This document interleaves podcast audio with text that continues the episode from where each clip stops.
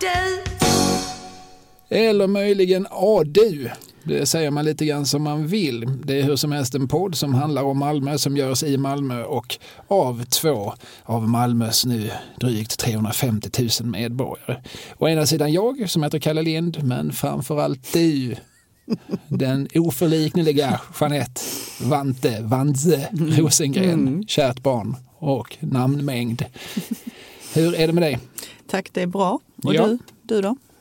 Ja men man mår som man förtjänar.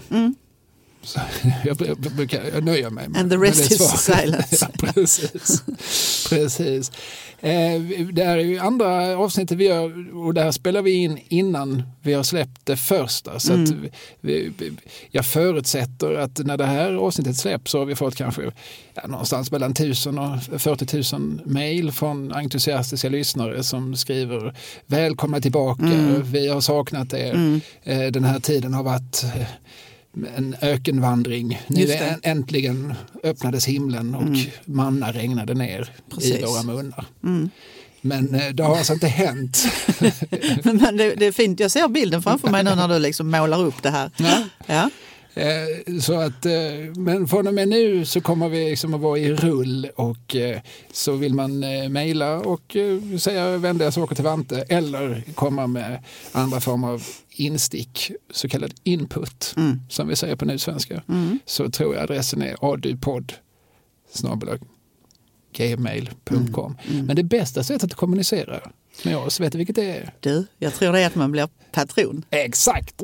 Du går in på patreon.com, patreon.com och så letar du upp ADU-podd i ett ord med två D i slutet. Och eh, sen så kan man då donera. Man kan vara mecenat. Man kan känna sig som en av familjerna i 1400-talets Florens. Tänk, alltså de som understödde Michelangelo, da Vinci, Rafael. Man känner jag som en Ja, sådan. samma, Eh, lika lika samma. Ja, Ja. precis. Så kan man sätta in liksom 10 kronor om man Ja. vill. Och, och eh, då då kan man också kommunicera. Och eh, det är ju de meddelandena vi helst svarar på. Precis. Såklart. Ja. Eh, Detta andra eh, samtal för eh, höst, eller vad blir det, vårsäsongen 2023. Det ska vi också göra apropå ett mejl som du sitter med framför dig. Ja men precis, det är Margareta Nilsson som har skrivit. Hon har, skrivit, hon har skickat beundrarmail till oss. Mm, alltså på riktigt i adressraden, så, eller ämnesraden så står det beundrarmail. Ja, vad Inte just i detta för att det var ett föregående mail. Hon har skrivit flera mail Maggan.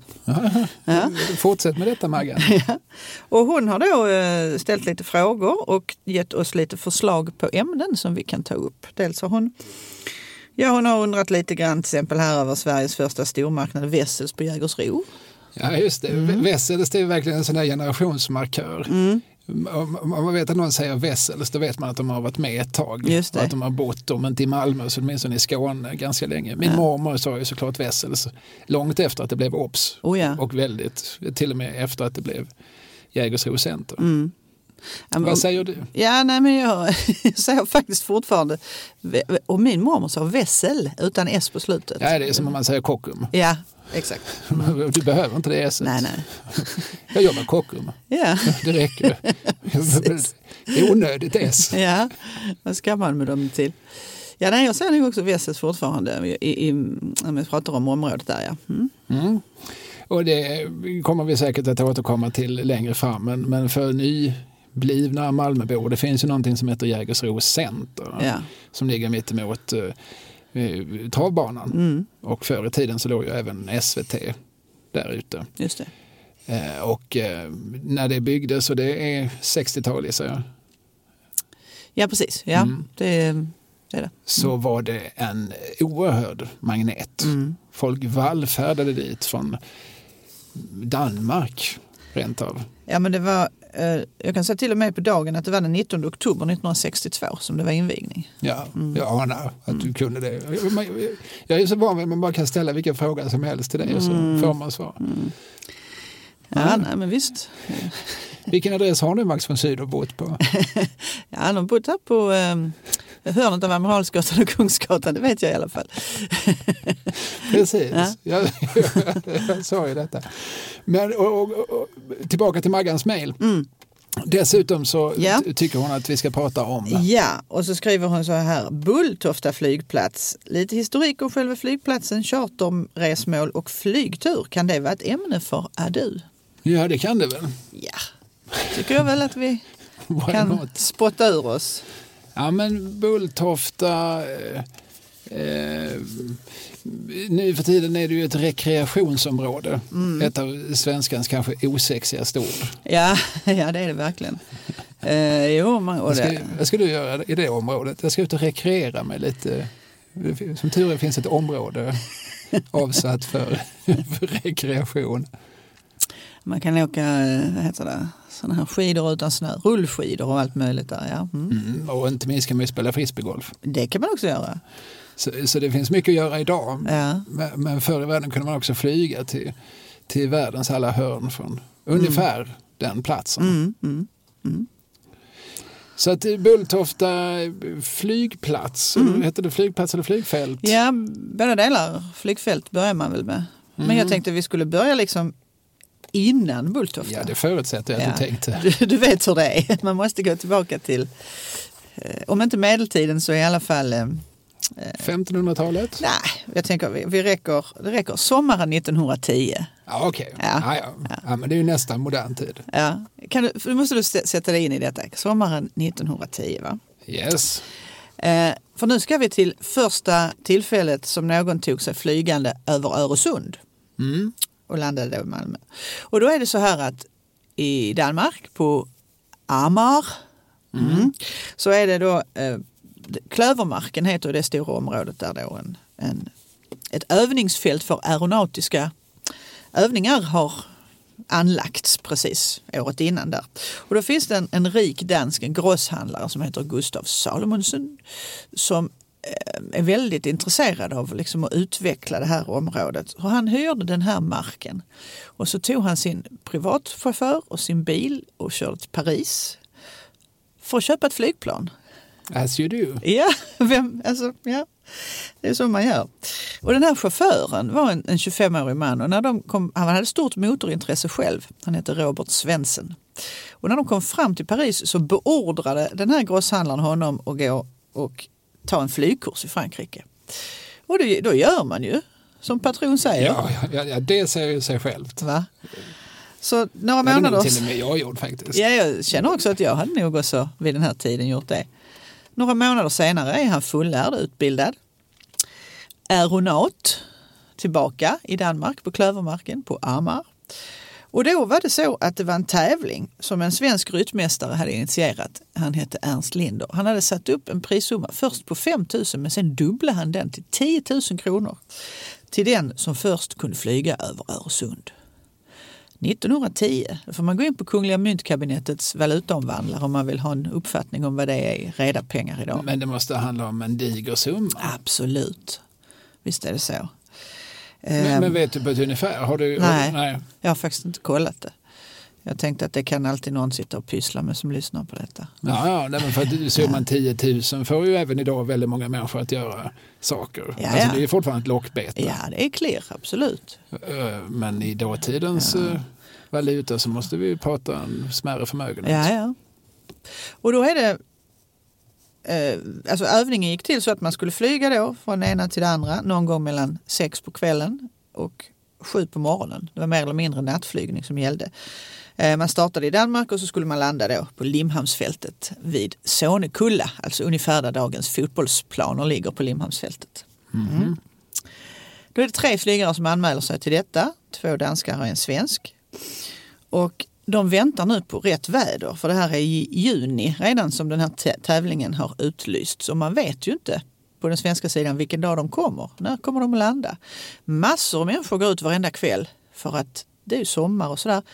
Kanske är det just ikväll vi står här och väntar. Och då är det en, en, en skarp eh, redaktör på Sydsvenskan som döper det här gänget till Sonekulla väntare. Det blir liksom ett litet sällskap av det.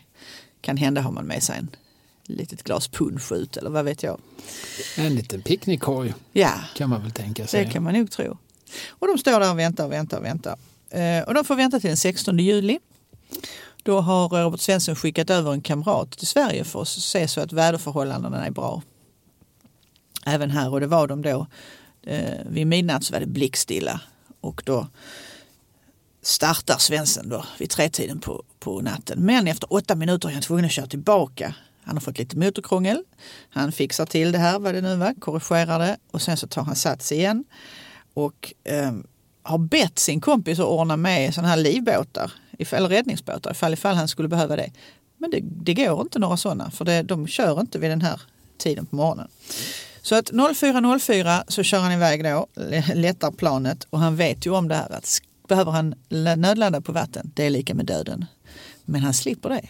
31 minuter senare landar han på Limhamnsfältet i Malmö. Mm. Stor delegation rusar fram, tar emot honom och när han stiger ur planet, vad tror du det är det första han ber om? Ett glas punsch? Nästan. En öl, han är ju ja. trots allt dansk. Ja, ja. ja. Såklart. Ja. De är ju, de är ju oförlikneliga ja. ett grannfolk i väster. Mm. Så eh, det, det, lyckades bra. Så det var den första gången liksom som någon landade på svensk mark. Eller, no, någon landade på svensk nej, mark eller på, på malmöitisk mark? Malmöitisk mark. Mm. Mm. Just så. Men vi är ju föregångare vad gäller flyget generellt. Ja, som jag har förstått mm. det så, så, kallas ju då eh, Bulltofta för svenska trafikflygets vagga. Just det. Alltså sen på, på 20-talet så blev det eh, liksom huvudknutpunkten för mm. Jag försöker läsa min handstil här för AB Aerotransport. Just det. Måste jag ha skrivit. Bröderna Flomans eh, företag. Ja men det stämmer. Och man kan ta ett jämföra vi, vi kommer ju prata om det här såklart, men Bulltofta då som invigs 1924, jämför Bromma 1933, Arlanda 1959. Alltså, ja, ja, ja, jag hör. Vi är eh, pionjärer. Och, och Torslanda och sånt, ja, Landvetter, ja. det, det gissar jag, det är väl på 70-talet säkert. innan göteborgarna ser ett flygplan. Är de ens in, är de invigda ens, de här fälten? Jag vet, jag vet inte. ja. Ja, men i alla fall, det är ju, man kan också säga att innan, innan Bulltofta invigs, det är ju mycket mm, snack om var det här flygfältet ska ligga. Därför att man har ju lite olika sådana ställen, Limhamnsfältet landar man ju på.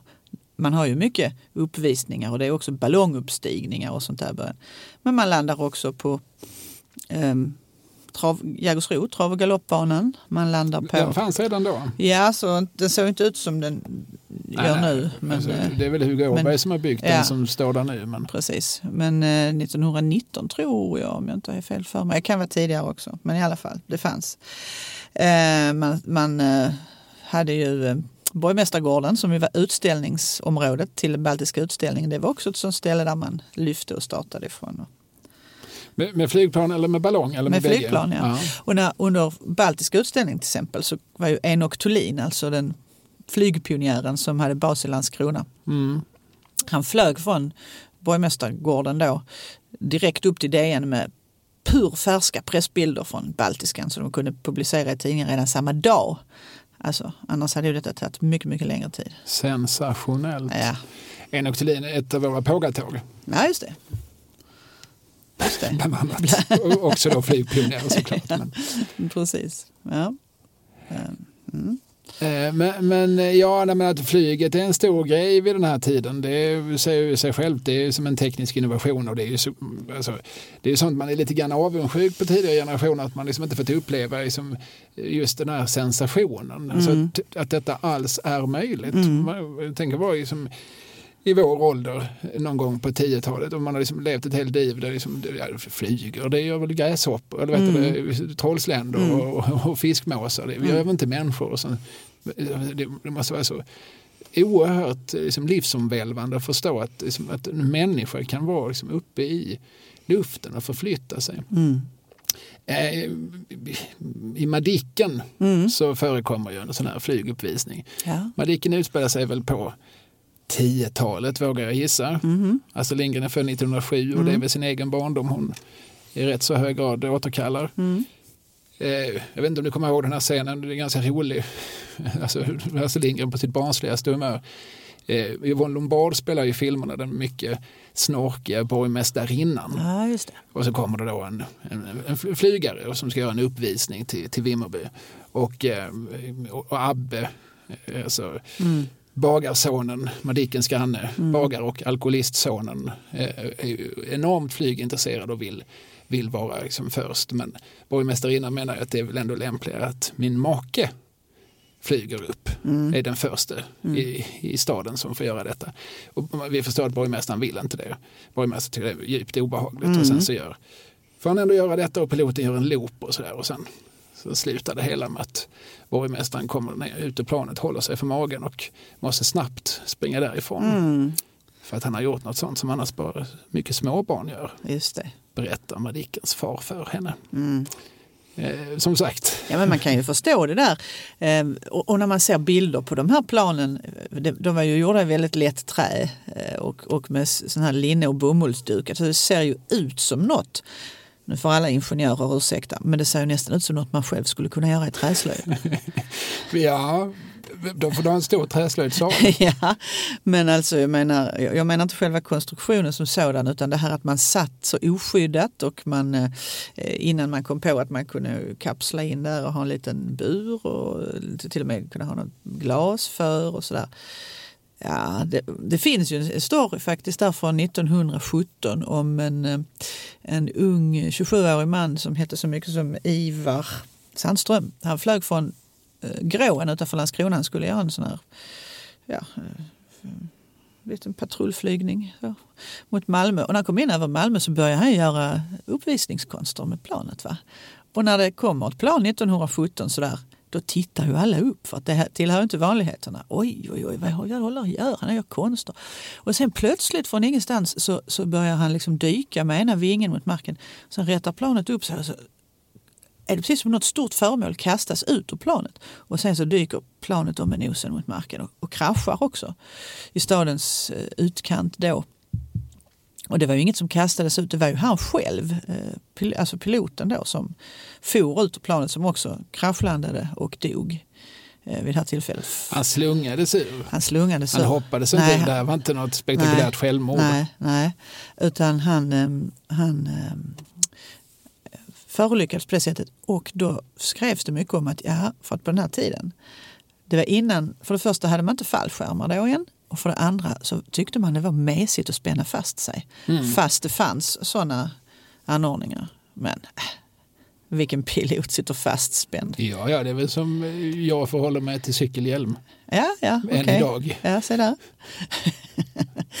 ja, men då kommer det har kommit en kastvind och sen så var hans saga all. Så att eh, jag förstår ju borgmästaren på något sätt. Ja, ja, det, det är jag också. Nu, nu välter hon grejer. Nu blir det tjo och i studion. Ja, okej, okay, men detta är så att säga, nu, nu börjar vi såklart lite innan. Det finns alltid en prolog. Absolut. när, när, när man inte ska beskriva ett historiskt skeende. ja. Innan vi börjar så måste vi börja lite innan början. ja, ja. så är det. Eh, men sen så säger du då 1924. Ja. Och då har man ju diskuterat det här som sagt innan. Det har ju varit en lång eh, kommunalpolitisk fråga under hela liksom, de första åren på 20-talet där var det här flygfältet ska ligga. Och då är det faktiskt så att det är en man som är lite du vet, de här politiska besluten tar ibland lång tid. Mm. Mm. De drar så kallat i långbänk. Just precis. Som gamle Fälldin brukar säga. och då är det en man som heter John Jönsson som är lite snabbare på bollen. Han hyr helt enkelt en bit mark. Eh, vid, om du tänker dig var Hedbergs bil låg ungefär på Lundavägen. Ja, ja, ja. Du vet mm. var jag är då? Ja, Lundavägen vet jag och jag, mm. jag gissar, den, den låg ett antal olika. Ja, precis.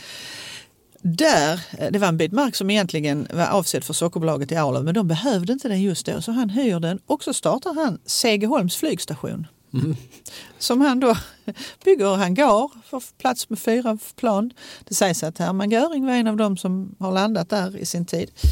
Oj, förlåt. Och, eh, Eh, många, det var också så efter, andra världsk, eller efter första världskriget så var det många svenskar som köpte gamla utrangerade tyska stridsplan som man sen då privat flög med själv och han eh, hade sådana personer som landade och flög därifrån i alla fall. Han höll på, det var ju bara ett par år där, sen var inte det så ekonomiskt. Men han, eh, han tog den bollen liksom innan staden han... eh, Mm. Ja, nej, men så, sådana där finns alltid känns det som. Mm. Någon som, ja, men som har lite pengar och eh, li- lite behov av adrenalinpåslag. Eller, Mm. eller alltså med nyfikenhet, en drivkraft. Det, det som de kallar entreprenörer.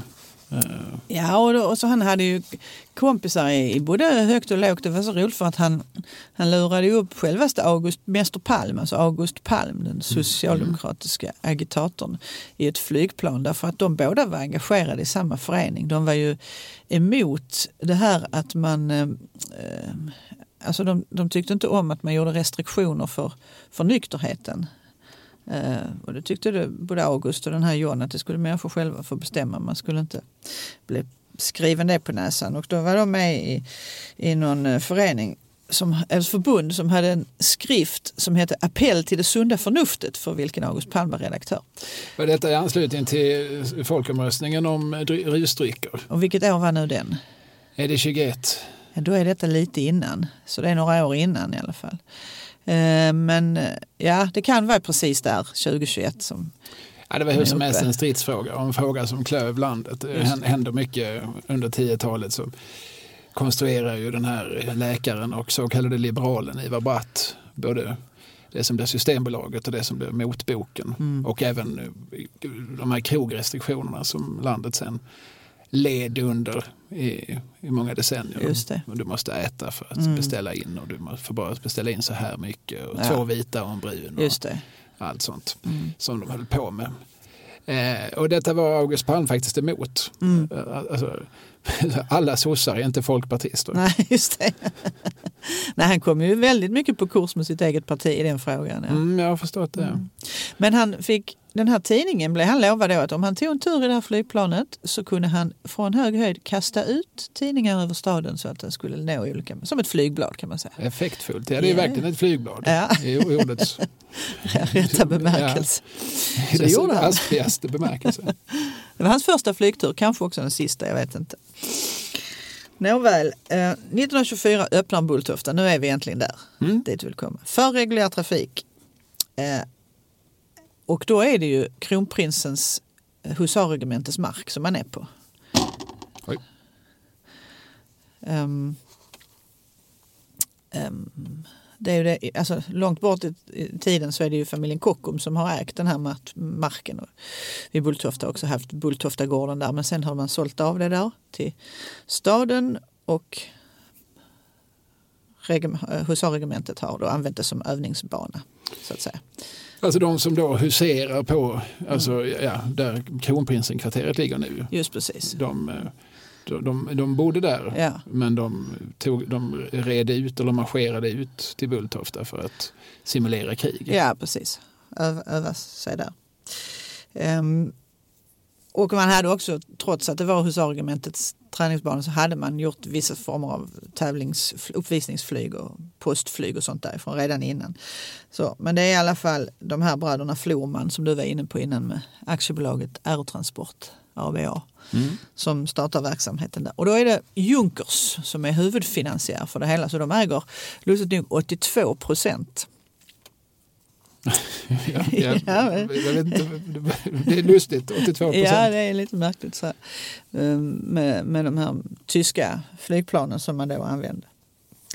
Eh, Man öppnar direkt Malmö-Köpenhamn. Det är världens kortaste linje. Men ganska snabbt så öppnar man också upp för resten av Europa. Man kunde flyga till Berlin, och Wien, och Paris, och London och Amsterdam och så vidare. Inrikes, jag gissar att man flög till Stockholm också. Ja, det gjorde man säkert. Jag vet inte hur snabbt man gjorde det eftersom de inte hade flygplatser på samma sätt Nej, som eh, vi. Utan man sa faktiskt, man, man kallade det eh, i vissa, har jag läst i vissa annonser, så här Stockholm, alltså att det var Stockholm som stod eh, framför. Stockholm, Bulltofta, fast det egentligen var då en Malmöflygplats. Så, Jaha. jag, har bara sett det ä- ä- i annonser. Men, mhm. Alltså om, om jag då liksom befinner mig någonstans i Centraleuropa Mm. och vill leverera saker till Stockholm, då flyger jag till Malmö Ja. och sen så lastas det på ett tåg där. Ja. Och man hade ju från början hade man ju inga, ja det var ju eh, första hangaren kom ju året efter men det fanns ju liksom ingen riktig stans för passagerarna att bli av när de väntade och när de före och efter. Liksom.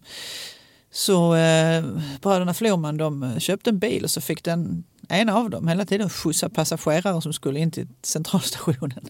Eller om, om man inte då själv blev hämtad av någon annan eller sådär. Så löste man det i början på det enkla sättet. Mm. Men, men är staden delägare? Alltså, är Malmö stad på något vis inblandad i det här eller är det helt privat? Ja, från början är det det. Det blir statligt 1935. Mm. Och sen så småningom så blev Statligt, det... inte stadligt. Nej, inte statligt. Utan det är alltså Sverige. Ja. Man bråkar lite grann om det här med staden sköt till vissa pengar för att till exempel bygga hangarer och, och arvodera arkitekter som ritade. Till exempel eh, Evo Melin som ritade Hangar 2 och sådär. Det här berömda arkitektparet som, som har gjort stora avtryck i Malmö. Så sådant stod Malmö till tjänst med i vissa fall. Då, staden. Men man bråkar lite om det här, jag läste i handlingar. Hur mycket man skulle betala egentligen och varför. så. Men sen så går det ju upp, det blir ju SAS någon gång på 40-talet. För det är en del av alltså det är nordiskt samarbete där men det är den svenska delen som 48 är det faktiskt som Bulltofta blir SAS. Mm. Men fram till dess, de första 24 åren är det alltså en privat mm. verksamhet. Mm. mm. Intressant. Mm. Tror jag. Ja, men jo, det är det. Ja, jo. Och det, det är ju så det är likadant med, vet man ju om, om järnvägar och så här. Så ja. då, jag är ju uppvuxen med att det är så självklart att, att det någonstans är statligt ägt och kontrollerat och styrt och alltså, att staten har ansvar för järnvägarna. Men en gång i tiden så var det ju många olika privata bolag som, som hade intressen och som ägde vissa sträckor. Ja, ja. Och så där. Malmö, Billesholms järnväg och sånt där. Ja, och visst är det så att eh, sträckan Limma-Malmö det var den sista som förstatligades. Ja, just det. Mm. Tycker jag med har snappat upp någonstans. Mm. Så den, den, var, den var privat, vad kan det vara, in på 50-talet i alla fall. Ja. ja, vi har Grevebanan va, som, när man kör mot Ystad, så de här olika godsen betalade till för att få station precis vid sina egna ja, slott. Man säger. Ja, ja. Eh, spännande. Ja, och nu finns det ett, flygfält och en flygplats mm. som jag förutsätter liksom hela tiden expanderar. Ja, det blir större och större. Man bygger olika hangarer efterhand. Och, och man, från början flyger man ju bara på sommarhalvåret och på dagtid. Men så småningom när man också får alltså såna här eh, strålkastare och man får flygledartorn och sådär så kan man ju också flyga på nätter. Från början, det finns roliga historier om hur det var så att man hade någon sorts telefonkontakt från flyget då med någon som fick sitta och lyssna efter biljud så att man kunde styra in planet rätt. Alltså. Eh, det är ju innan det finns radar och sådana här saker. Ja, mm. ja det är alltid fascinerande så med pionjärtider. Mm. Där man, man får liksom experimentera sig fram. Det finns ju inget facit. Nej. Jaha, men så, ja, det är kanske bra att ha ett säkerhetsbälte för nu, just det, nu har han ju trillat ut ur planet där. Okej, okay, ja. ja. men då behöver vi jobba med det. Alltså man får ju liksom trial and error. Ja, men så är det absolut. Och det var ju, jag tänker varenda gång jag läser om sån här historia om de här tidiga flygpionjärerna att det, det är ju hur att de bara lyckades överleva. De flesta av dem, det är ju rätt fantastiskt. Det är förvisso många som förolyckades också. Ja. Nej, det var ju extremt farligt efter förstår. Mm. Alltså, mm. Även så var stridspilot under andra världskriget. Mm. Och så är det klart att det var farligt att vara liksom, i, i striden men bara att ta sig in i planet, mm. bara ta sig upp med planet. Mm. mm. Alltså, var ju förenat med, med dödsfara många gånger. Ja, och man ska inte ha några anlag för klaustrofobi och sånt. Man tänker på hur små de här eh, utrymmena var för piloterna att sitta i.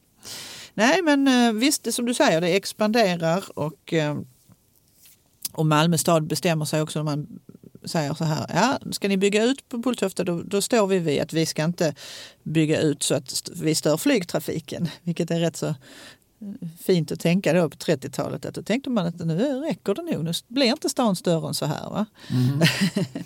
och så betalar stan för då en stationsbyggnad och lite annat. så. Men man man eh, utvecklar det hela. Man kommer också på nya material. Det är ju aluminium och lätt stål och sånt där i planen som ersätter det här träet och så. Eh, och så, så börjar man flyga. Man flyger också mycket postflyg med de här. Så, så innan man passagerarflygen tar över. Liksom. Det kommer inte förrän långt senare när det är charterresorna som är det stora.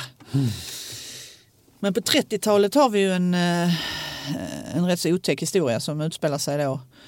Börjar på Bulltofta, det här planet Lappland lyfter. Ja, det känner jag ju till. Ja, och varför gör du det? Ja, men eh, jag flyttade till Kirseberg eh, 2009. Då flyttade vi in i ett, eh, en gammal industrifastighet på Södra Bulltoftavägen. Och alldeles jämte vårt hus så finns, fanns och finns en parkeringsplats. Och det var nedslagsplatsen. Det kom Precis. det olika backabor och upplyste oss om när vi var nyinflyttade. Och även en av grannarna som kom med olika tidningsklipp om den här händelsen som man hade sparat och som jag fick och eh, som jag inte vet exakt var jag har lagt. Men någonstans har du i alla fall säkert läst dem då när du fick dem. Och, Ja, eller jag har Eller? lagt dem åt sidan för att läsa dem sen. ja, ja, ja. Ja. Och nu när jag behövde dem så hittar jag inte dem. Nej. Men jag kommer väl hitta dem någon gång när jag inte behöver dem. Så är det. Ja, och då, då var det så att eh, det här flygplanet som hette Lappland skulle flyga från Malmö till Amsterdam.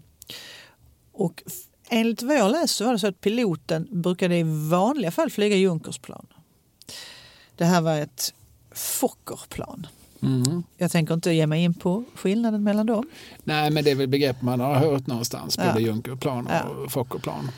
Eh, Och på de här båda olika så satt liksom reglagen på något sätt tvärtom. Så att, eh, och nu säger jag ju säkert fel så nu kommer folk att bli galna här men istället för att ge gas så ströp man. Alltså om man skulle jämföra med en bil då. Ja, jag förstår. Ja, vilket innebär att precis när man har lyft från Bulltofta så, så tappar det här flygplanet höjd och han inser att han måste nödlanda någonstans. Och då väljer han ju det här stället jämte ditt hus. Som då inte var en parkeringsplats. Nej, utan det var ett stall. eh, Det låg liksom en gård där med ett djurstall. Och eh, lyckas då ta sig ner och lyckas också med att alla utom en faktiskt överlevde där. Var det många människor på Ja, planet? det var väl ett 20-tal. ja, ja. Mm. Och en av dem var Carl Gustaf von Rosen ja, som ja. senare blev... eh, En av våra mest berömda flygare. Mm. Det var väl han som flög till Kongo. Ja, precis. Och Biafra och sådär. Mm. ja Biafra Ja, ännu mer. Men han Ja. körde nödtransporter till, till eh, Afrika och var, var väl så lite äventyrlig man. Absolut. Han ute hade flygutbildningar här på Bulltofta också faktiskt. Men han var med på det här planet som passagerare faktiskt. Mm. Eh, Han var inte pilot eller så. Men uppenbarligen fick han mer smak. Han, han, han blev inte skrämd för att flyga. Nej, tydligen var det han som tog kommandot när han märkte direkt att det här brakar åt helsike. Så han eh, kommenderade alla passagerarna att eh, ställa sig eller ta sig till mittgången. Och det gjorde alla då, passagerarna de svenska. Dock var det en amerikan som inte gjorde det. Oklart om han förstod uppmaningen eller om han vägrade lyda order. Men han var den som omkom å andra sidan för han fick då bli träffad i huvudet av en något i planet som gick sönder. Alla andra överlevde. Mm, vissa fullständigt oskadda, andra med blessyrer och några blev svårare skadade. Men ingen, ingen mer dog. Det här är en junimorgon 1936 innan skolan har slutat för terminen. Alltså tidig morgon. Människor är på väg till sina jobb, människor är på väg barnen är på väg till skolan. Det är skickligt att, att, och kanske också mycket tur, att ingen civil så att säga blir träffad. Ja. ja, det är ju så som man brukar säga. Det hade område. kunnat gå riktigt illa. Precis. Nu gick det ganska illa, Ja, men tänk ja. så illa det hade kunnat gå. Mm. Ja. Så Lapplandskraschen, eller vad, fick den Ja. en sån tidningsnamn? Mm, ja, jag såg, det står, brukar stå Lappland. Lappland kallar man den. Lappland störtade. Mm. Och detta var 1930. Sex. Ja. Mm. Så det är ju fortfarande en av de mest dramatiska händelser som har skakat Kirseberg. Ja, det, det är det säkert. Det pratas det fortfarande om Ja. ja. Gåtusen bland de riktigt gamla backaborna. Ja, det finns ju faktiskt de som skulle kunnat vara varit med och Ja, fortfarande. De, de kanske minns allt mindre. Ja, ja, ja. men, det är kan tänka minst mig de. att- Ja, precis. De kanske inte kommer ihåg vad barnbarnsbarnen heter, Nej, men nej. de minns Lappland. Ja, ja. Det är, så är det ju. Närminnet tar stryk först. Men, generellt under 30-talet så är, är faktiskt Bulltofta, sägs det då, ett av världens bäst skötta och mest moderna flyghamnar. Vem säger det? Är Ja, det säger flyghistorikerna, så Ja, det är inte okej. jag som sitter och hittar på det här nu. För eh, det hade jag inte kunnat göra. Och De säger också att Aerotransport då det var ett av världens främsta trafikbolag. Man hade alltså linjenät över hela världen och också en väldigt stor flygplanspark. Ehm, mm. Men över hela världen, alltså då, då flyger man också interkontinentalt. Man flyger över Atlanten. Jag vet inte hur snabbt man börjar med det eller vilket år man börjar med det. Charles Lindbergh flyger... 30-talet va? Ja, eller möjligtvis sent 20-tal. Ja, det är någon gång skifte 20-30-tal. Han blev ju en stor Alltså svenskättlingen Charles Lindbergh, mm. han, han, blev ju en stor eh, sån här mediepersonlighet. Det är ju han som har gett upphov till, det finns ju en, en dans som heter Lindy Hop det är ju efter ah, Lindbergh. Är det så? Ja, det, var en av 20-talets många modedanser jämte Foxtrot och Charleston och sådär.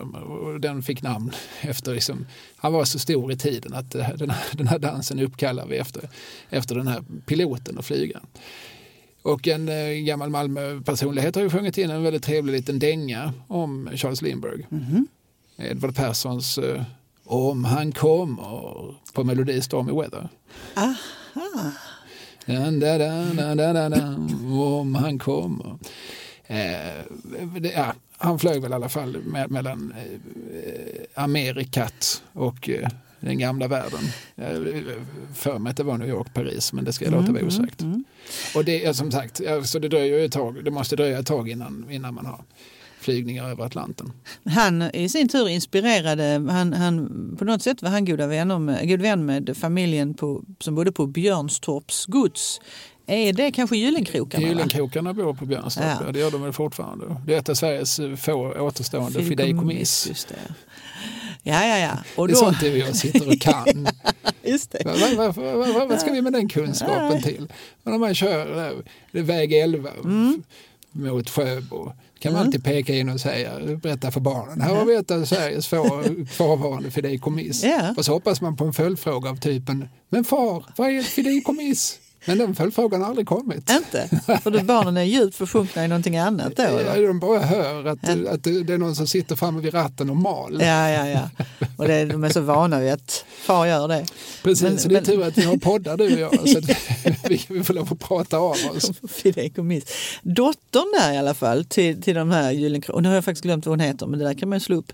Dottern Gyllenkrok var så blev så imponerad när Charles Lindbergh med fru kom på middag där. Så plötsligt ville hon också lära sig att flyga. Så hon gick en utbildning på Bulltofta för att lära sig flyga, vilket hon också gjorde. Så hon var en av de där, det fanns ju en hel del kvinnliga eh, Elsa pionjär. Andersson känner vi ju till. Ja, ja precis. Jan Troells film Så, så vit som, som en snö. snö. Ja, Amanda omspelar huvudrollen i. Mm. Elsa Andersson, jag vet inte hur mycket hon hade med Bulltoft att göra dock. Jag tror det var Askersund hon dog. Hon, eh, det var en fallskärm som, som inte löste ut sig om jag vill minnas rätt. Du minns säkert rätt. Ja. Men hon, hon, det finns ju en gata faktiskt efter henne där också på det nya Bulltoftaområdet där det finns små hus och sådär. De har ju döpt några av de här gatorna till Cederströmsväg efter flygpionjären Bror Cederström. Och där finns också Flomans, Karl Flomans gata och Elsa Anderssons gata. Mm. Mm. Mm. Det finns någon rimlighet i detta. Yeah. Men, men alltså Gyllenkrok, dottern Gyllenkrok blev alltså aviatris? Ja, hon blev det. Sen vet jag inte hur mycket hon flög, eller hon, men hon gick sin utbildning här och, eh, och flög. Och det var ju vågligt av familjen Gyllenkrok också att de, de lät henne göra det. Hon var ung. Ja men det finns ju, alltså det, det finns ju sådana här stories, alltså, det känns som att det, det, är en sorts typ man har sett, så, så här, liksom, överklasskvinnor som, som, ja. som på något vis bemästrar den manliga arenan och som mm. blir lite äventyrare och sådär. Som Karin Blixen är, är, väl en sån. Eller, mm. eh, Ester Blenda Nordström ja. som kanske inte var så himla överklass för all del men hon som skrev En piga bland pigor mm. gjorde den första stora Wallraff-grejen på 10-talet men som sen eh, hon åkte med motorcykel ner till afrikanska kontinenten. Ja, och så Alltså, ja, och den här var... hon Dixon, vad heter hon i förnamn? Ja, Också som körde bil genom hela Afrika och sådär. Ja. Precis, det fanns. Det, var, ja, de var nog inte så många men, men, men, de inspirerar säkert varann. Och, och, och eh, in, inom en gren av överklassen så lät man väl yngsta dottern göra detta för att hon skulle ändå bara giftas bort. Så Ja. då kan man, kan man, det är väl inte så farligt om hon råkar köra ihjäl sig eller flyga ihjäl sig.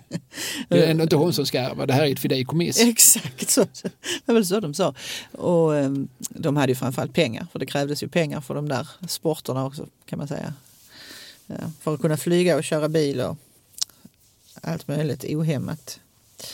Ja men sen blev, det, sen blev det ju krig igen då, andra världskriget. Ja, det känner jag till. Det läste jag om i skolan. Mm. Det var så långt man kom i historien.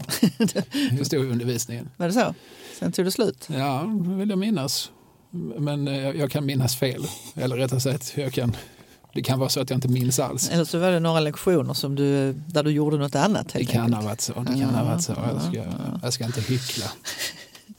Ehm, och då undrar man hur märktes detta på Bulltofta? Jo, men man, det är rätt så intressant. Tidigt på morgonen den 9 april 1940 när det hade gått bud om att Danmark och Norge var invaderat.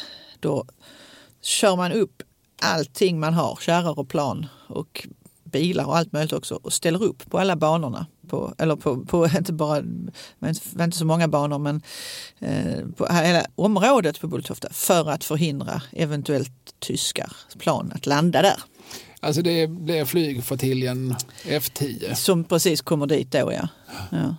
Men, men blir det inte, alltså det är väl detta som gör att det blir en flygflottilj? Eller vad är en flygflottilj? Vet du det? Ja, det nej, är men- en flotta. Ja, och det är väl det är försvaret helt enkelt. Ja. Flyg, I händelse av krig så ska vi ju ha ett flygförsvar också då. Och det har man där och sen har man ett i Göteborg också Mm. tror jag. Alltså ungefär samtidigt så det här är ju så, såklart inte stadens utan statens initiativ. Ja, och det är väl ett i Malmö och ett i Göteborg. Man, så man har en ganska stor flygarmada mm. så, som är lite redo då. De behöver ju aldrig kriga. tack och men, lov. men jag gissar att de får en del andra delikata uppdrag under kriget. Så är det ju. Och eh, man, man kan ju säga att de hade ju inte riktigt platsen där ute heller för var ska man husa alla de här människorna så att då hyr man, hyr man hela vattentornet på Kirseberg som ju då var omgjort till bostäder och så fick Redan då var personalen, eh, ja det gjorde man redan eh, under första världskriget faktiskt. De, men då, då hyrde man det och inkvarterade personal där bland annat. Och så hade man utbildning i, på Kirsebergsskolan och i Bergs park och sådär för, att- för rekryterna som skulle men man hade ju äh, sabotage då också den här morgonen den 9 april. Då plötsligt så började det brinna i hangar 3. Och det visade sig att det var en tysk flygplansmekaniker som hade då värvats av den tyska underrättelsetjänsten som hade bestämt sig för att nu ska jag sätta fot på hela det här. Försökte alltså totalförstöra området och man lyckades häva det men det var flera brandmän som blev svårt rökskadade faktiskt. Och den här sabotören togs om hand och sattes inom lås och bom. Dramatiskt värre. Eh, jag sa flygflottilj, det var det väl också, men jaktflottilj tror jag till och med att Jaha. F10 brukar rubriceras som. Ja. Så det var ju alltså jaktplan, alltså det, ja, det, som sagt, det var ju en viktig del av det svenska försvaret. Mm. Och sen kan man ju säga också att trots att man byggde ut och gjorde det modernare och större och fler hangarer och så, där, så var det ju fortfarande samma skumpiga landningsbana. Den blev ju inte asfalterad förrän i början på 50-talet. Så att det, är inte så lätt att landa och det är ju ofta det händer saker med de som, som eh, sitter i, att man får sig en törn liksom för att det, det är gupp och det är ja, sådär, knutigt underlag helt enkelt. Idag så brukar det ju heta att eh, egentligen behövs inte piloten. Alltså allt är så digitaliserat och mekaniserat och så att piloten sitter mest och, och spelar Gameboy. Eh, och, jag, jag har träffat någon pilot en gång och jag tyckte att eh, jag ställde frågan och som jag tolkar hans svar så bekräftar han detta. Ja men, jo, men vi behövs lite vid landning. så, så han var egentligen, så om jag tolkar honom rätt, jag, jag kan ju ha lyssnat så som jag ville, men, men så, så, så onödig förklarar hans hela sin yrkeskår egentligen. Eh, Allt går liksom att sköta med en joystick eh, eller med en smartphone jag. Ja, ja. Men eh, så var det ju absolut inte då. Nej, då krävdes nej, nej. det ju fortfarande lite yrkeskunnande Absolut. Manuell start och manuell landning och manuellt flyg däremellan. Ja, verkligen. Ja, och sen så kan man tänka också på, på att det var väldigt många plan som fick nödlanda här. Alltså både tyska och engelska och så småningom väldigt många amerikanska plan som ju hellre då eh, tog sig in och, över, och landade i, i Sverige än att landa i Tyskland eller Danmark som, Som var ockuperat. ja, och som var krigförande. Så att, här fick vi ju ta, ta hand och det blev ju mm, säkert populärt med, i slutet av kriget också på olika dansställen i stan när de här amerikanska flygarna var ute och gjorde Malmö osäkert. Ja, nej men eh, damerna har ju en viss fäbless för amerikanerna. Det har man ju förstått. Och engelsmännen har man ju Mm. Ja. förstått när man lyssnar på Lasse Dahlqvist och så. Ja, just det. Engelska flottan har siktat vid vingar. Ja, boy. Vi minns eh, Hasse Alfredson har någon barndoms, väldigt distinkt barndomsminne som han ofta återkom till att han åkte in på Helsingborgs lasarett för någon, blindtarms, någon sprucken blindtarm och så här när han är i nioårsåldern 1940. Eh, och eh, jämte honom ligger då en nödlandad, kraschlandad brittisk stridspilot som han eh, som blir lite Ja, sådär, ju sjuk- sjukhuskompis med. Ja, och som han får också en bit, en bit plexiglas av från, från den krossade flygplansrutan. Aha. Så, som han länge hade med sig tills den dagen han slarvade bort den. Ja, ja. En trofé verkligen. Ja. Ja, det måste ha varit någonting att skryta med Ja. på Gossis, alltså Ja, ja, läroverket i Helsingborg. Kolla vad jag har. Ja, ja. Mm. Det var säkert, eh, det reste sig säkert kammen på den unga Hans. Mm. Nåväl, eh, sen eh, ja, 50-60-tal, flyget expanderar, alltså charterturismen kommer på 50-talet i slutet och blir en stor grej på 60-talet. Och Bulltofta hänger med gissar jag. Ja, ja, ja. Det blir ju verkligen, alltså, man pratar ju om man, man åkte nästan pendel till eh, sånt här som Mallorca och Las Palmas och sen åkte man ju till Alperna på vintern också för den delen. Men visst var det ju, det blev ju enormt eh, växande flygtrafik. Och, för, och då, om om det är då man börjar prata om att det kallades för Bullertofta för att då hörde man ju, staden växte och flygfältet kom så att säga närmare bebyggelsen. Och plötsligt så började människor störas av de här evinnerliga bullerljuden. Inte minst när man börjar med reaplan. Så. Vi- Vilket väl också är skälet till att man sen 1973 öppnade Sturup. Mm. Eh, Men, men att liksom Bulltofta successivt liksom monteras ner sen, det, Mm. det, det är väl det främsta skälet. Att, att det är för nära bebyggelsen. Staden, ja precis. Man, man eh, fick ju inte lov att bygga. Men Vissa etapper av Rosengård kunde man alltså inte fullfölja. För att det låg ju väldigt nära där förrän man då hade stoppat, stängt ner flygtrafiken på Bulltofta. Så man ersatte då, precis som du säger, med Sturup. Ja. Ja, men vi ska inte gå händelserna i förväg. Alltså, för att vi, det kanske mest dramatiska som utspelas på det här området, det är väl är det 1972 Mm. som vi alltså har, jag tror det är Sveriges enda flygplanskapning. ja, det var väl i alla fall den första. Men Ja. jag vet inte om det har varit någon sedan dess. Flygplanskapning var ju, det var ju jag höll på att säga en modegrej. Det är väl fel att säga, men, men, men det, var ju, det, det var ju flitigt förekommande. Alltså, den, den, alltså, terrori, politisk terrorism eh, yttrar sig på, på 70-talet ofta i flygplanskapning. På samma sätt som bankrån var, var liksom förhållandevis vanliga vid, vid tiden. Alltså, Mm. det, och där man väl också får tänka sig att folk inspirerar varandra. Alltså en, en lyckad flygplanskapning där, liksom det har visat sig att det där ger lite effekt. Vi- har kunnat komma med hot när man tar gisslan på det här sättet. Och, ja, och, det har ju blivit, alltså fly- flygplanskapningar idag är väl vanligare på film än i verkligheten. Men, Mm. men på 70-talet så, så kom det ett gäng sådana här uppmärksammade eh, worldwide. Alltså. Men i Sverige hade vi åtminstone vad vi vet bara en och, och den var på, på just Bulltofta. Och man ska ju säga också att det, det klart att det var enklare då. Man hade ju ingen security Nej, heller som man har idag. Väldigt noga kontrolleras man ju när man ska gå igenom de här olika. ja, det har man ju sett på många sådana här gamla pressbilder när, när olika världsstjärnor kommer, kommer eller kommer hem igen. De har varit Mm. ute på någon, någon, någon, någon strålande turné i världen runt och så här. Och så möts de ju av ett pressuppbåd av allmänheten som ju står nere på Absolut. landningsbanan. Står, står och väntar, som trappan rullas fram och så, så går de ut och möter Mm. eh, liksom församlingen. finns en känd på Beatles till exempel som man brukar visa. Mm. Eh, Så att eh, det var ju goda tider för, för våra flygplanskapare Mm. om inte annat. Men ska vi zooma in lite på vad det är Mm. som sker då? Har du datum Ja, framför dig? den, det är ju den 15 september 1972. Mm. Det är ganska kort innan hela flygfältet eller flygplatsen läggs ner. Absolut, det är bara några månader innan. Ja. Eh, och då är det kroater. Ja, De, Mm. hette väl, de var ju kroater men de kallades ju för jugoslaver på den tiden. Precis. De hade, varit, eh, de hade flugit just från Torslanda utanför Göteborg då, och skulle till Stockholm. Men Är inte det en omväg? ehm, eh, Stockholm, alltså Göteborg till Stockholm. Men Ja. de beordrade piloten att vända planet och istället åka till Malmö. Ja, okej. Jag tänkte det var konstigt, konstigt att ta vägen om Malmö om man ska mellan Göteborg och Stockholm. Det var jag som inte hängde med. Ett plan skulle flyga från Torslanda till Arlanda eller Bromma. Ja. Mm. Och, eh, men då kommer de här som, som på något vis är kopplade till Ustasja. Mm. Alltså får man väl säga, och hoppas jag att man får säga även idag, en fascistisk Mm. kroatisk terror.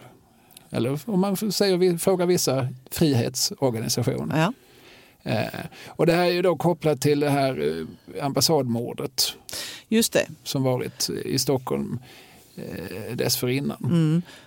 Precis, för att, eh, vad hette han nu då? Miro Baresic kanske? Ja, det är ett namn jag känner igen. Han, han var ju den som hade mördat den här ambassa- ambassadören och satt i fängelse i Sverige för detta. Men de här tre kroatiska kaparna de ville ju att Sverige skulle frige, eh, hur många det nu var, sju olika kroater som satt i svenska fängelser. Och som satt efter det här eh, Ja. ambassadmordet då. Och eh, ja, alla gjorde inte det utan de satt nog för lite olika saker. Ja, just det. Men alla hade kopplingar till Ustasja. Ja.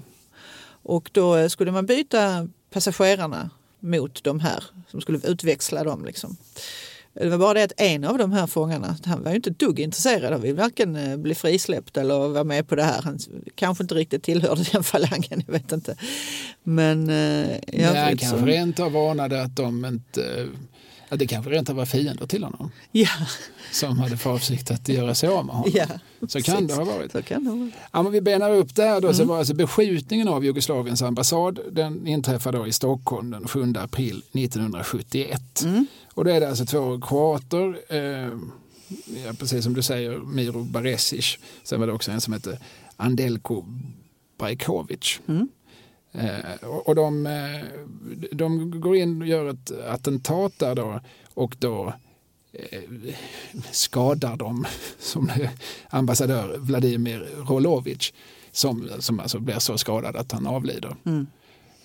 Men, och då blev de fängslade. De, de, de, exakt vad de hade för, för motiv med detta, det har jag då inte riktigt klart för mig. Men eh, hur som helst, de blir eh, tagna på bar gärning. Polisen plockar dem där, de får ge sig inför, inför en ganska stor allmänhet tror jag som har samlats utanför. Det ligger på Strandvägen, alltså det är ju Östermalm, Stockholm. Eh, och, eh, och, och så tas de då till svenska fängelser. Mm. Och en del av dem sitter väl just på Kirseberg. Det är väl, Jaha, ja, ja. Det är väl därför det är väl bland annat därför de landar på Bulltofta. Närhetsprincipen där ja. Mm. Ja, nej, men Mm. för, för att eh, jag, jag undrar om inte alla sitter där. Ja, okej. Ja. Alltså på Kirsebergsanstalten på Ja. Det. på Kirseberg, numera nedlagd. Min far jobbade där vid tiden. Mm. Eh, och frågar man min far, vilket man inte bör, eh, så var det nästan han som började inleda förhandlingen med Ah, med Lennart. Geijer var inte... Ja, men sen kom Geijer. Men det var din far som styrde upp det? Ja, sen kom- Geijer med lite vassa armbågar och knuffa undan min far som förmodligen hade gjort den här utlämningen, utväxlingen lite snyggare. Ja. Men Lennart Geijer, mycket riktigt justitieminister i regeringen Palme, han flygs ju ner från Stockholm Mm. eh, och, eh, och inleder då den här förhandlingen med terroristerna och är väl ganska eftergiven, eller vad säger man? Alltså, Ja, de får ju allt de vill i princip. En halv miljon kronor och så ersätter man, byter ju ut, vad är det, 30 av passagerarna i första rundan tror jag. ja, mot en Ja, tjuv då. Ja, så per. Ja, just det. Och sen, och sen, precis som du säger, den sjunde av dem vill inte Nej. och sätter sig på tvären. Eh, och då, då så säger kaparna, nej men då tar vi en miljon istället. Ja, ja. Mm. Och det lyckas Geijer förhandla ner till en halv miljon. Så att, ja, det, men man hade ju som princip att så få människor som möjligt skulle bli skadade. Eh, det får man väl ändå ha med Ja. sig även om det liksom, med våra moderna öron låter som oerhört naivt. Att, ge- så- det här är ju, är ju livsfarliga män Ja. från en jugoslavisk fascistorganisation. Ja, ja, ja. Nej, men, de, men, men, men alla passagerare blev ju släppta där till slut, utväxlade i alla fall. Och pengarna fick de. Ja, precis. Men, men personalen fick vara kvar. De fick vackert, de fick inte gå av planet utan de fick vackert flyga vidare till Spanien va? Ja, precis. Sen flyger de till Franco, Spanien och där tar ju då eh, liksom, falangistregeringen, fascistregeringen, Franco eh, ger ju dem fristad i, i Spanien. Och det där finns någon historia om att att Franco-regimen säger nej men vi ska, de ska lagföras och de ska dömas och sådär. Men sen så någon av de här kaparna hittar man ju sen som livvakt till, till någon, någon hög gubbe i Paraguay Ja, just det. och blir utlämnad till Sverige så sent som 79. Mm.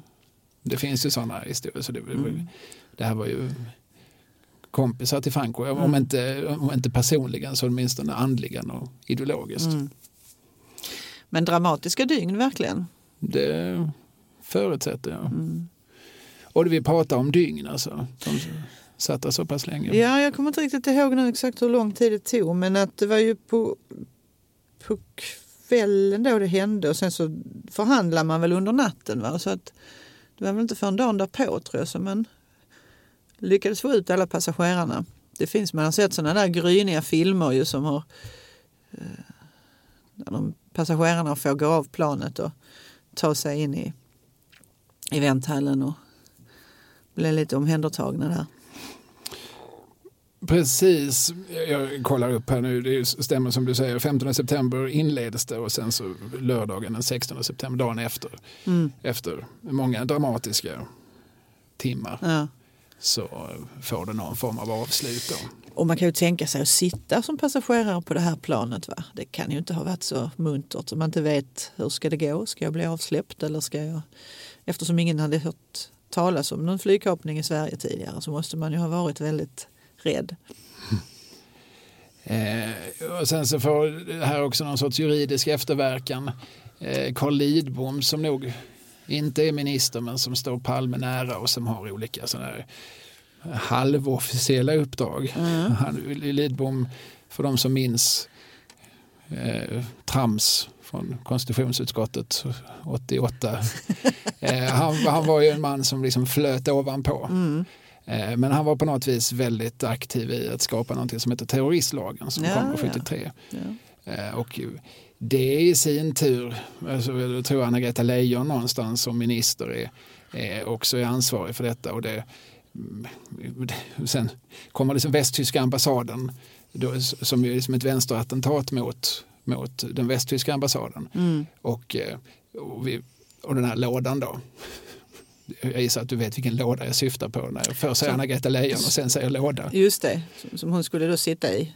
Precis, och en, en, en, en, en tysk man som, som liksom löst var knuten till RAF, Rote arméfraktion, Mm, Baader mm. Meinhof-ligan, Mm. Norbert Kröcher hette han, Mm. som var liksom bosatt och verksam som bland annat bankrånare i Sverige. Han lät ju bygga den här lådan och hon skulle kidnappas i den och sitta i den. Och, sådär. Mm. och det är ju, alltså allt det här hänger ihop, alltså att terroristlagen kommer till som en direkt effekt av eh, flygkapningen på Mm. Bulltofta. Och terroristlagen innebär att det ska bli liksom lättare att utvisa utländska medborgare om misstanke om terrorverksamhet föreligger. Det här, och den angreps väldigt häftigt, inte minst från vänsterhåll. Sådana som jag i USA har Mm. ägnat mycket krut åt att angripa terroristlagen för att den ansågs vara rätt så osäker. Mm. Och på något vis så är som terroristlagen eh, en av beståndsdelarna i det som leder fram till den dock aldrig förverkligade kidnappningen av Anna-Greta Leijon. Ja, ja, ja. Alla sådana här 70-talshistorier hänger ju alltid ihop. Just det, ja men det gör de ju verkligen. Och någonstans går det här säkert att associera både till IB-affären och Geijeraffären. Ja. Och så småningom så eh, den operation, operation Leo, Mm. som gör att, eh, att polisen lyckas eh, som ta Norbert Köscher innan han har kidnappat Anna-Greta Leijon. De har ju då ett kodord. Mm. Vet du vilket kodord Nej, vilket var de det hade? Kodordet var Ebba Grön. Ebba Grön, ja det var där det Precis, och när det ja. var avslutat så hette det Ebba Röd. Så att eh, allt det har ju liksom haft kulturella in, Ja. kulturell påverkan. Just det. Det gjordes också en film som hette Operation Leo som Ebba Grön gjorde soundtracket till. Mm. Ja. Ja, Leo som är lejon då. Alltså. Ja, ja, ja. Eh, Nåväl, det här var lite fritt ur minnet. ja Och saker det- kom säkert ut i fel ordning. Men, men eh, jag tycker det bara är så spännande så här. Alla sådana här liksom 70-talshändelser som det har gjorts. Som Mikael Merseman har gjort massa Ja, olika filmer om. Och så. Serier om ja. Ja, och serier och tv-serier. Och, och eh, att någonstans är de alla liksom på något vis kopplade till varann. Mm. Det är alltid samma människor som är med. Det är justitieminister Lennart Geijer, det är Carl Lidbom, det är Olof Palme såklart. Ja, ja. Och sen är det alltid liksom Jan Guillou och eh, Per Wendel på Expressen som har varit med i någon form av avslöjande. Eller åtminstone tagit på sig en stor del av avslöjandet. Ja. ja, just det. Ja, det är mycket dynamiskt, det är mycket 70-tal ju som Mm. de här sakerna händer. Ja. Eh, men detta då om flygplanskapningen som, som, alltså, som du säger sker ganska precis innan alltihop läggs ner. Ja. Och istället så, så bygger man då Sturup. ja, och då om man är bekant med Björn Ranelid och, och läser hans, vad heter den nu, hans självbiografiska bok Till alla människor i himlen och på jorden, tror jag. Mm. Då kan man ju läsa om hur hans morföräldrar tror jag bodde ju i den här byn Sturup som man i princip brände upp och man köpte ut de som bodde där och så fick man anlägga ett nytt flygfält där istället. Då. Och jag har tagit med mig en roman av, en, eh, av två författare som jag nog håller några snäpp högre än, än, än nämnde Ranelid. Ja. Alltså Maj Sjöwall och Per Wahlöö. ja, men såklart. De eh, skrev sina tio romaner om brott, om Mm. poliskommissarie Martin Beck. Eh, den näst sista heter Polismördaren. Mm. Den kom, väl, vill jag minnas, 73, va? eller kommer den 74? Eh, den 74 är den från. Och eh, Wahlöö, alltså jag tycker roman om ett brott det är de tio bästa böcker som har skrivits. Eh, men de har, innehåller en och annan skönhetsfläck. Aha. Eller vissa av böckerna består nästan bara av skönhetsfläckar. Men, men det är strunt samma, det är, det, är ändå, det är ändå bättre kan det inte bli. Men eh, i synnerhet tror jag Per Wahlöö blev liksom bara bittrare och bittrare. De sista böckerna, är, de, då vadar man fram genom ett träsk av bitterhet och galla. Han blev ju ganska sjuk, han dog ju innan sista boken Terroristerna ens kommit ut. Och eh, han skulle liksom skriva av sig all, allt han tyckte var för jävligt med samhällsutvecklingen. Och det var mycket. och här, den gamla stalinisten Wahlöö, han hade mycket synpunkter på vilken, på vilken väg socialdemokratin slog in på. Mm. Det här brottet, roman om ett brott, det är ju inte bara liksom olika mord utan det är också socialdemokratins brott mot idealen som åsyftas. Just det. Men i det tredje kapitlet, i den näst sista Beck-boken, så landar ju Martin Beck på Sturup. Ja, ja. Han ju sen vidare till Anderslöv där det har begåtts ett kvinnomord. Och det skriver Sjöwall Wahlöö så här, alltså det är två och en halv sidor som handlar om, handlar om hur vedervärdigt Sturup är. Aha, ja. Tyvärr kan jag inte läsa riktigt allt, men vi tar några Absolut. valda bitar. Flygplatsen var en nationell skandal och den jävade inte sitt rykte. Så börjar den allvetande berättaren det här kapitlet. Eh, Eh, fältet hade sedan befolkningen deporterats anlagts på en av Sveriges dimmigaste platser. För säkerhets skull mitt i ett välkänt flyttfågelstråk och på synnerligen obekvämt avstånd från staden. Mhm. Dessutom hade det förstört ett stycke natur som borde varit skyddat i lag. Skadan var vittgående och irreparabel och konstituerade en grov miljöförbrytelse, typisk för den antihumanitära cynism som alltmer kommit att känneteckna vad som kallades det mänskligare samhället. Uttrycket stod, i, uttrycket stod i sin tur för en cynism så gränslös att gemene man hade svårt att fatta den. Det är fortfarande den allvetande berättaren Ja, ja, ja. som bara lägger fram fakta i målet. Eh, och sen så landar till slut då Martin Beck och en handfull bleka, svettiga passagerare defilerade glest in i stationsbyggnaden. Där inne var det som om själva färgsättningen, grått och saffransgult, underströk oset av fusk och korruption. Någon hade i varje fall kunnat stoppa undan ett antal miljoner på sina schweiziska bankkonton. Någon som beklädde ett så högt ämbete att varje medborgare skämdes över sin ringa, helt formella delaktighet i den svenska pseudodemokratin och dess snart totala bankrutt. Det är ord och inga visor. Ja, nu kommer Martin Beck in i handlingen. Uh, Han kunde se tillbaka på några obehagliga timmar. och sen så eh, berättas det om kaffet. Vätskan i pappersmuggarna påstods vara kaffe och framkallade omedelbart illamående. Luften i kabinen var osund och svettdrivande.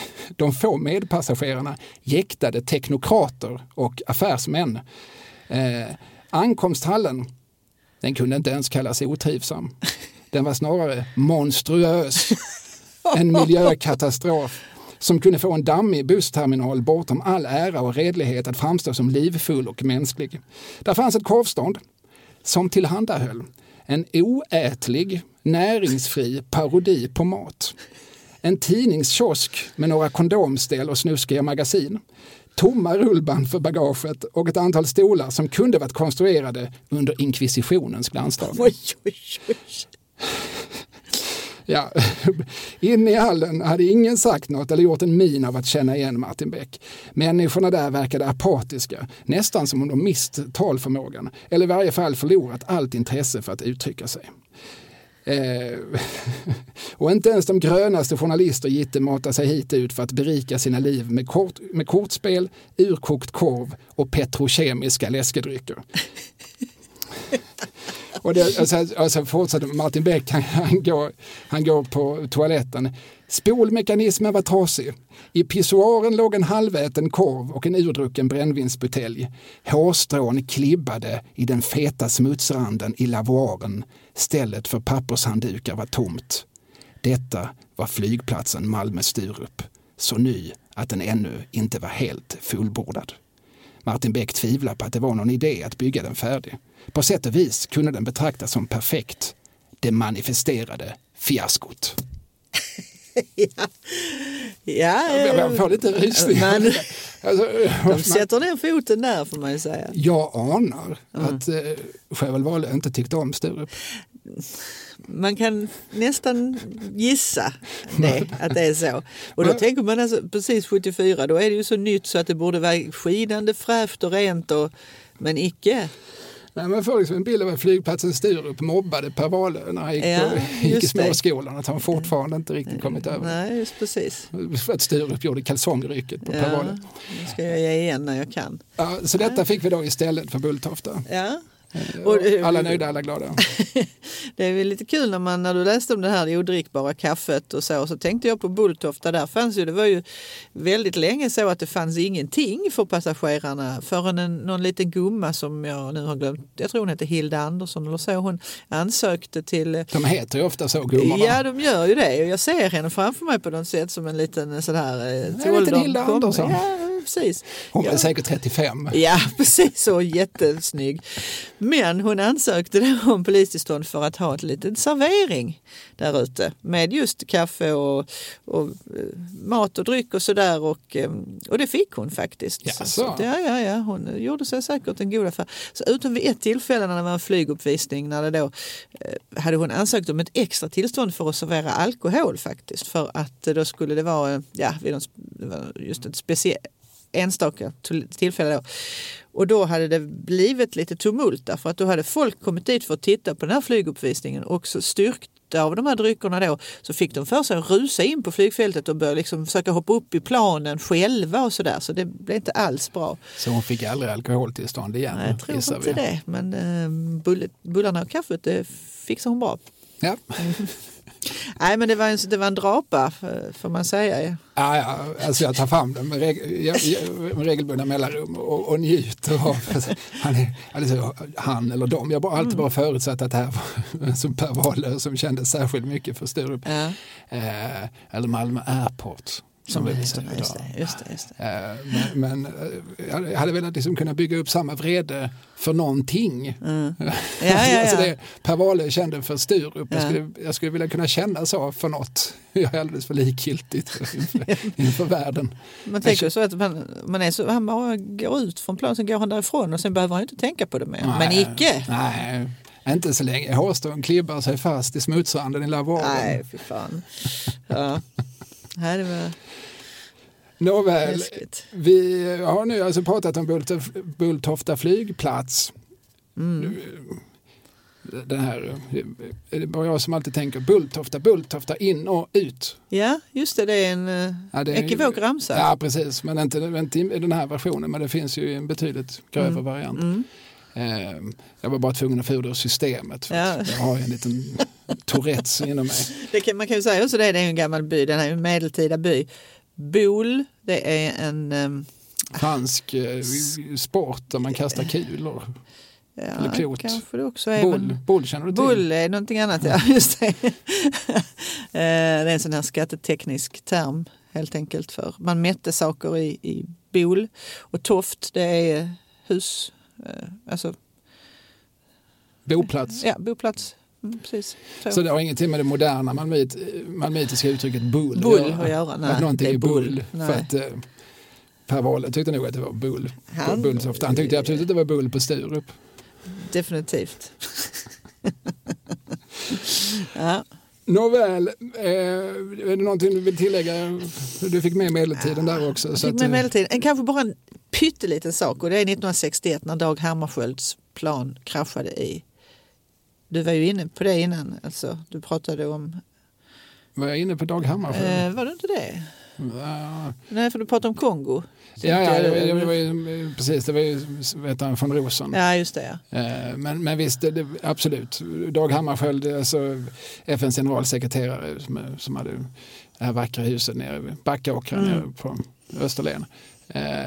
När han kraschlandade Just det, så är merparten av besättningen faktiskt, det var ett transärplan som de kom från Bulltofta och de återvände också. Medan Dag Hammarskjöld fick ju en statsmannabegravning i Uppsala så personalen, de som var med ombord, de kom ju tillbaks till Bulltofta helt enkelt. Och um, kistorna då, för det var rätt många, de uh, kördes först i kortege till Sankt Petri kyrka där man hade en gudstjänst och sen körde man ut till Östra kyrkogården eh, som då hade, alltså det är ju Sveriges äldsta faktiskt minneslund. Mm. Invigd redan 59, det här var 61, men man hade inte riktigt börjat begrava i den här minneslunden än, Så det var ju en ceremoniplats som hade funnits sedan tidigare som Sigurd Leverentz, hade, alltså arkitekten, hade tänkt ut att eh, någon gång kanske det behövs en sån här ceremoniplats om vi är många som ska stå och sörja. Vi kanske inte får plats inne i kapellen. Och då när de här har landat på Bulltofta och allt det här har hänt, då blir eh, ceremonin utomhus på Östra kyrkogården. Och då är det bland annat pilot, piloten där som heter Nils-Erik Oreus. Eh, som egentligen inte var från Malmö, han kom från Jämtland och så, men han var bosatt och gift, nyligen gift i Malmö och ligger också nu begravd på Sankt Pauli mellersta kyrkogård. Men Hammarskjölds plan, mm. det kraschlandade i? I Ndola. Ja. Som ligger i vilket afrikanskt land? Ja, det ligger ju i Kongo. Det var ju Kongokrisen där, Katanga-provinsen tror jag det heter. Ja, just det. Ja. ja. Eh, och eh, många konspirationsteorier ja. har flödat om att det inte bara var en, en vanlig olycka. Nej, precis. Det var en väldigt, väldigt infekterad världskonflikt som, som Hammarskjöld var, var inblandad i. Precis. Han, var ju, han var väl där i, i medlingsuppdrag. Mm. Eh, mm. Så det, där, även där, i samband med detta var alltså Bulltofta inblandat på ett mm. hörn. Mm. Ja men eh, jag tycker att eh, Maggan som skrev det här brevet till oss, mm. nu tycker jag att hon har fått vad hon har bett om. Ja, det tycker jag med. Jag tycker inte Maggan ska sitta och klaga.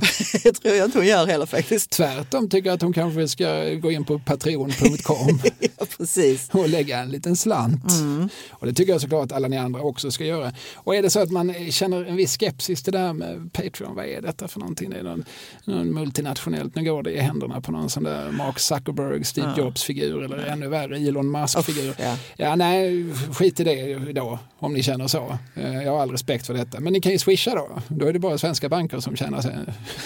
De är bara halvkorrupta. Ja. Så då kan man swisha eh, 123 052 10 88. 123 052 10 88.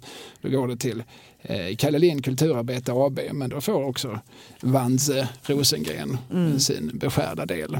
Tackar vi för. Eh, Det vill säga det mesta. Trots allt hon som, som är den här podden. Jag sitter ju bara här och, och, är, och, och eh, speglar mig i, i, i glansen. Regnar det på Fons så skvätter det på Pettersson. Du, eh, ska vi säga så för denna gången? Det gör vi. Alltid ett a pleasure to meet you. Vi hörs om två veckor. Det gör vi. Ja, sa vi. Ja. Hej. Allt beror